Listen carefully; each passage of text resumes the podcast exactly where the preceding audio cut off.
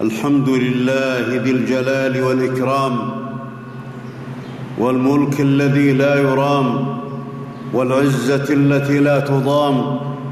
أحمد ربي وأشكره على عظيم الإنعام وأشهد أن لا إله إلا الله وحده لا شريك له. له الملك وله الحمد الملك القدوس السلام. وأشهد أن نبينا وسيدنا محمدا عبده ورسوله أفضل من صلى وصام. اللهم صل وسلم وبارك على عبدك ورسولك محمد وعلى آله وصحابته الكرام. أما بعد فاتقوا الله في فاتقوا الله في كل الأوقات. تفوزوا برضوان ربكم والجنات. أيها المسلمون احذروا الغفلة فإنها مهلكة. وإياكم وتأخير التوبة فإن الأماني الباطله مرديه وقد تفضل الله على خلقه بالنعم الظاهرة والباطنة. فأما المؤمنون فقد شكروها. وأما أعداء الله فقد كفروها. قال الله تعالى ومن يشكر فإنما يشكر لنفسه ومن كفر فإن الله غني حميد. وما شرعه الله من عبادات وفرائض وما حرمه من محرمات وما زجر عنه من المنهيات تكريم من الرب للمكلفين. وطهارة وزكاة وإعداد للمكلف وتأهيل للعبد ليكون خالدا في جنات النعيم مع النبيين والصديقين والشهداء والصالحين وحسن أولئك رفيقا. ذلك الفضل من الله وكفى بالله عليما. والله جل وعلا طيب لا يقبل إلا طيبا. قال الله تعالى الذين تتوفاهم الملائكة طيبين يقولون سلام عليكم ادخلوا الجنة بما كنتم تعملون. وقال تعالى ما يريد الله ليجعل عليكم من حرج ولكن يريد ليطهركم وليتم نعمته عليكم لعلكم تشكرون. وقال تبارك وتعالى ومن تزكى فإنما يتزكى لنفسه وإلى الله المصير. وقال عز وجل في الحديث القدسي يا عبادي إنما هي أعمالكم أحصيها لكم ثم أوفيكم إياها فمن وجد خيرا فليحمد الله ومن وجد غير ذلك فلا يلومن إلا نفسه. رواه مسلم من حديث أبي ذر رضي الله عنه. والمؤمنون والمؤمنون طابت أعمالهم فطابت أحوالهم ومآلهم. قال الله تعالى تلك الدار الآخرة نجعلها للذين لا يريدون علوا في الأرض ولا فسادا والعاقبة للمتقين.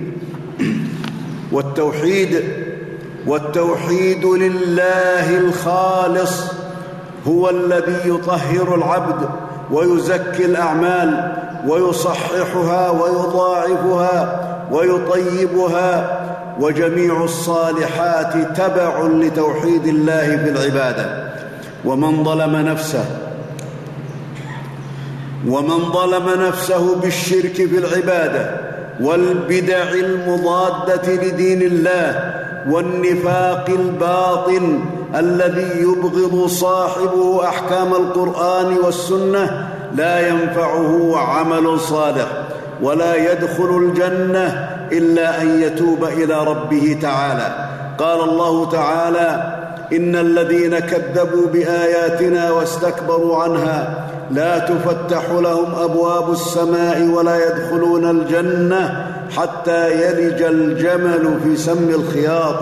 وكذلك نجزي المجرمين. وقال تعالى عن المنافقين فأعرضوا عنهم إنهم رجس ومأواهم جهنم جزاء بما كانوا يكسبون. وعن أبي هريرة رضي الله عنه قال قال رسول الله صلى الله عليه وسلم يلقى يلقى إبراهيم صلى الله عليه وسلم أباه يوم القيامة وعلى وجهه قترة فيقول له ألم أقل لك لا تعصني؟ فيقول اليوم لا أعصيك. فيقول إبراهيم رب قد وعدتني ألا تخزيني وأي خزي أعظم من أن يدخل أبي النار.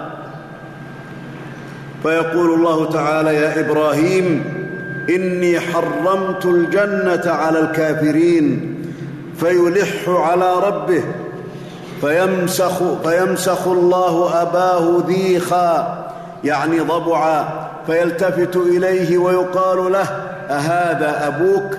فيقول لا فتطيب نفس إبراهيم عليه الصلاة والسلام فيؤخذ, بقوائمه ويلقى في النار رواه البخاري ومسلم.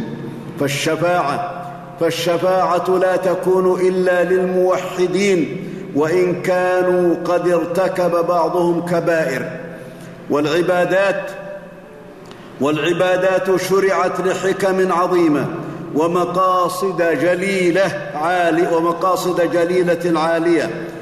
فإن أثمرت تلك العبادات وتحققت حكمها ومقاصدها في المكلف نفعت صاحبها أعظم النفع. وإن خلت العبادات من الحكم التي شرعت لها كانت حجة على صاحبها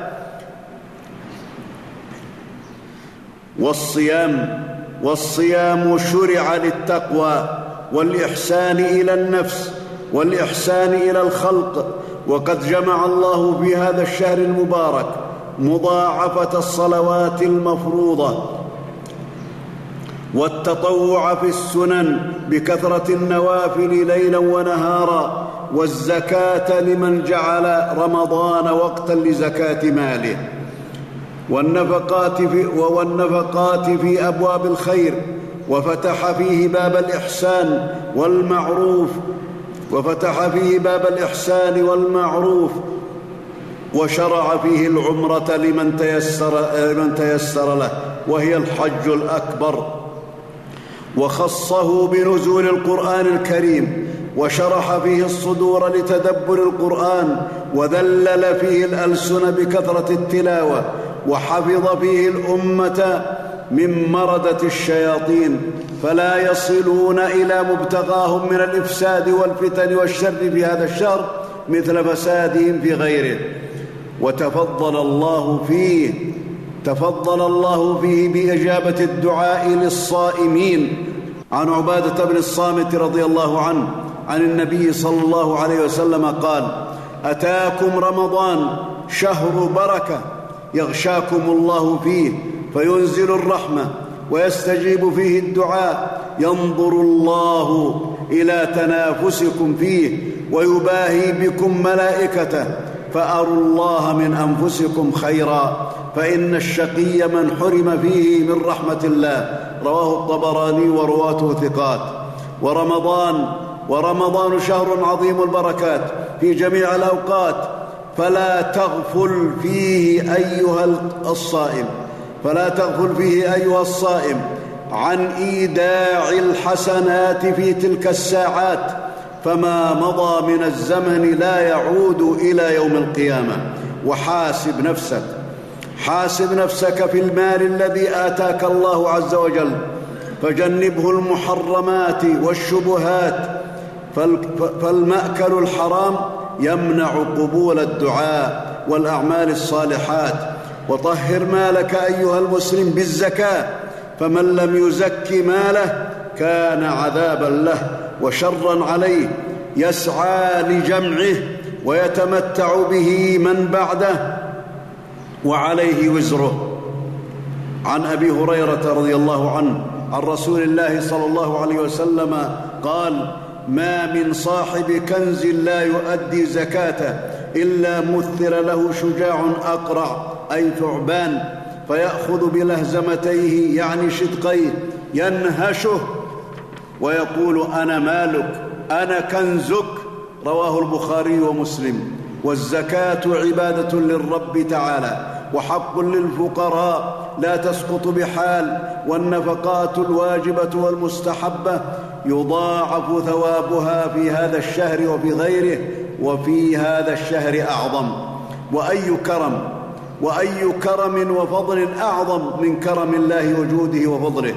فقد أعطاك الله المال ورضي منك بمقدار الزكاة وهو قليل تخرجه من المال ربع, ربع, ربع عشره ففي المليون, ففي المليون خمسة وعشرون ألفا وما دون ذلك وما فوق ذلك فبحسابه. قال الله تعالى وما أنفقتم من شيء فهو يخلفه وهو خير الرازقين ولو أدى الأثرياء الزكاة ما بقي فقير.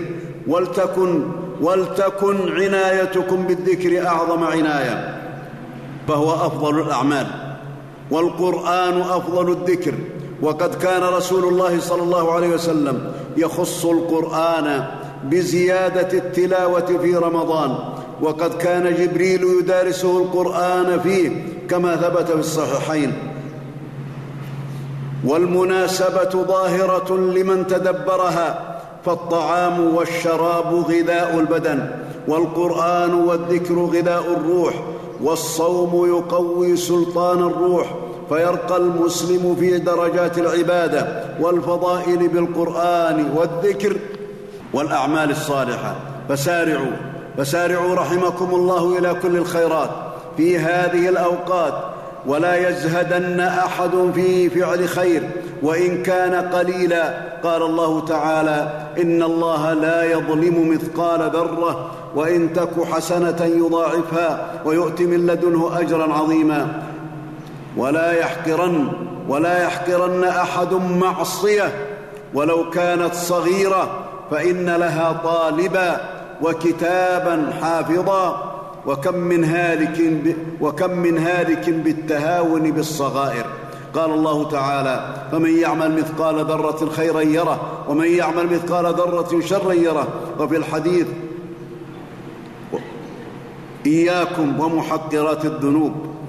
وفي الحديث إياكم ومحقرات الذنوب فإنهن يجتمعن على المرء حتى يهلكنا قال الله تعالى فاستبقوا الخيرات إلى الله مرجعكم جميعا فينبئكم بما كنتم فيه تختلفون. بارك الله لي ولكم في القرآن العظيم ونفعني وإياكم بما فيه من الآيات والذكر الحكيم ونفعنا بهدي سيد المرسلين. أقول قولي هذا وأستغفر الله لي ولكم وللمسلمين فاستغفروه إنه هو الغفور الرحيم. الحمد لله الذي يقبل التوبة عن عباده ويعفو عن السيئات أفاض على خلقه من خزائن جوده وكرمه ما لا يحصيه إلا الله من الخيرات. أحمد ربي وأشكره وأتوب إليه وأستغفره وأشهد أن لا إله إلا الله وحده لا شريك له. خالق الأرض والسماوات وأشهد أن نبينا وسيدنا محمدا عبده ورسوله المؤيد بالبراهين والمعجزات. اللهم صل وسلم وبارك على عبدك ورسولك محمد وعلى آله وصحبه السابقين إلى الخيرات. أما بعد فاتقوا الله اتقوا الله بفعل الصالحات وهجر المحرمات. عباد الله عباد الله بشراكم بما لهذه الأمة من الخير العميم والأجر الكريم في هذا الشهر العظيم. فمن صامه غفر له ما تقدم من ذنبه ومن قامه غفر له ما تقدم من ذنبه ومن قام ليلة القدر غفر له ما تقدم من ذنبه. صحت بذلك الأحاديث. الله أكبر وسبحان الله. ما أعظم هذا الثواب من الملك التواب؟ قال الله تعالى فلا تعلم نفس ما أخفي لهم من قرة أعين جزاء بما كانوا يعملون. ومع هذه ومع هذه الفضائل والمسرات يحزن المسلم ما يرى في الأمة من التفرق والاختلاف وكثرة الفرق التي تسيء إلى الإسلام وتجتهد في تغيير وتجتهد في تغيير عقيدته الصافية النقية المضيئة. وتبديل أحكامه ولكن الخيبة والخذلان. كتبها الله لمن حارب الدين. فاعرف فاعرف الحق أيها المسلم. تعرف أهله لتكون معهم. قال الله تعالى يا أيها الذين آمنوا اتقوا الله وكونوا مع الصادقين. واعرف الباطل وأهل البدع.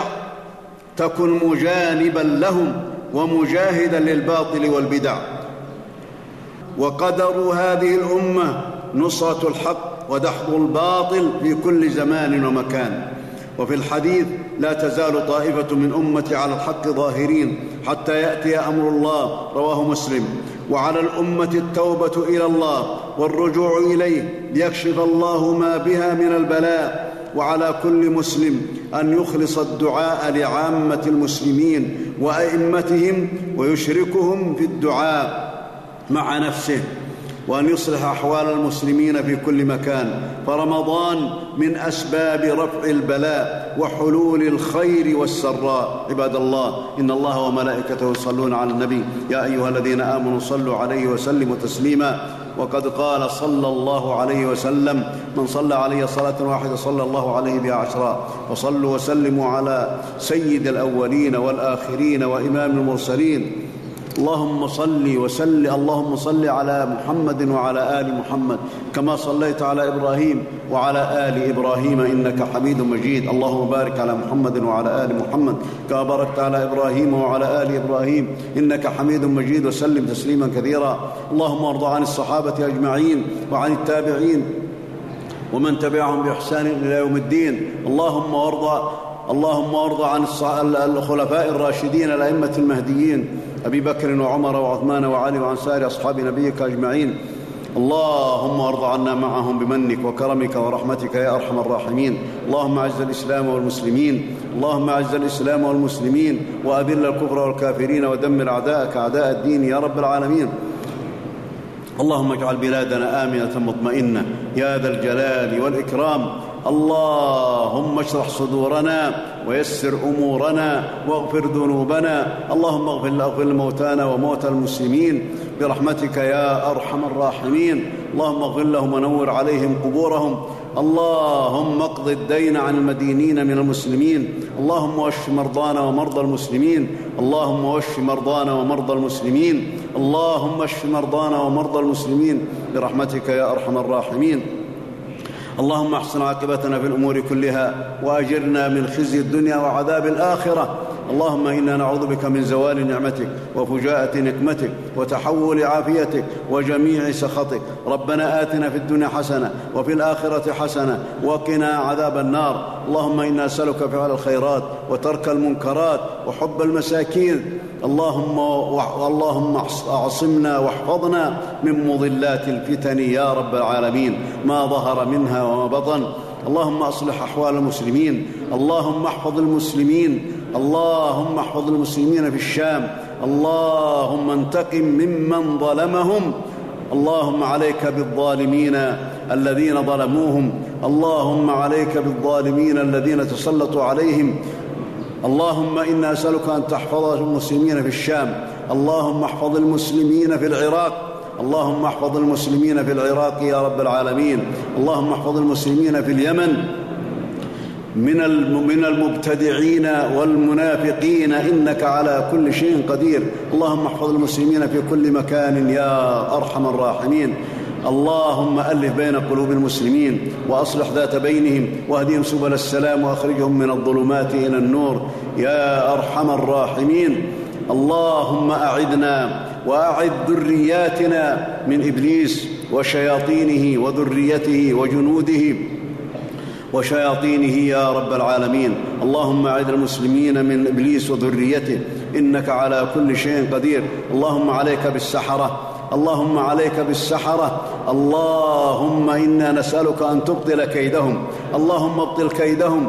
اللهم ابطل كيدهم ومكرهم.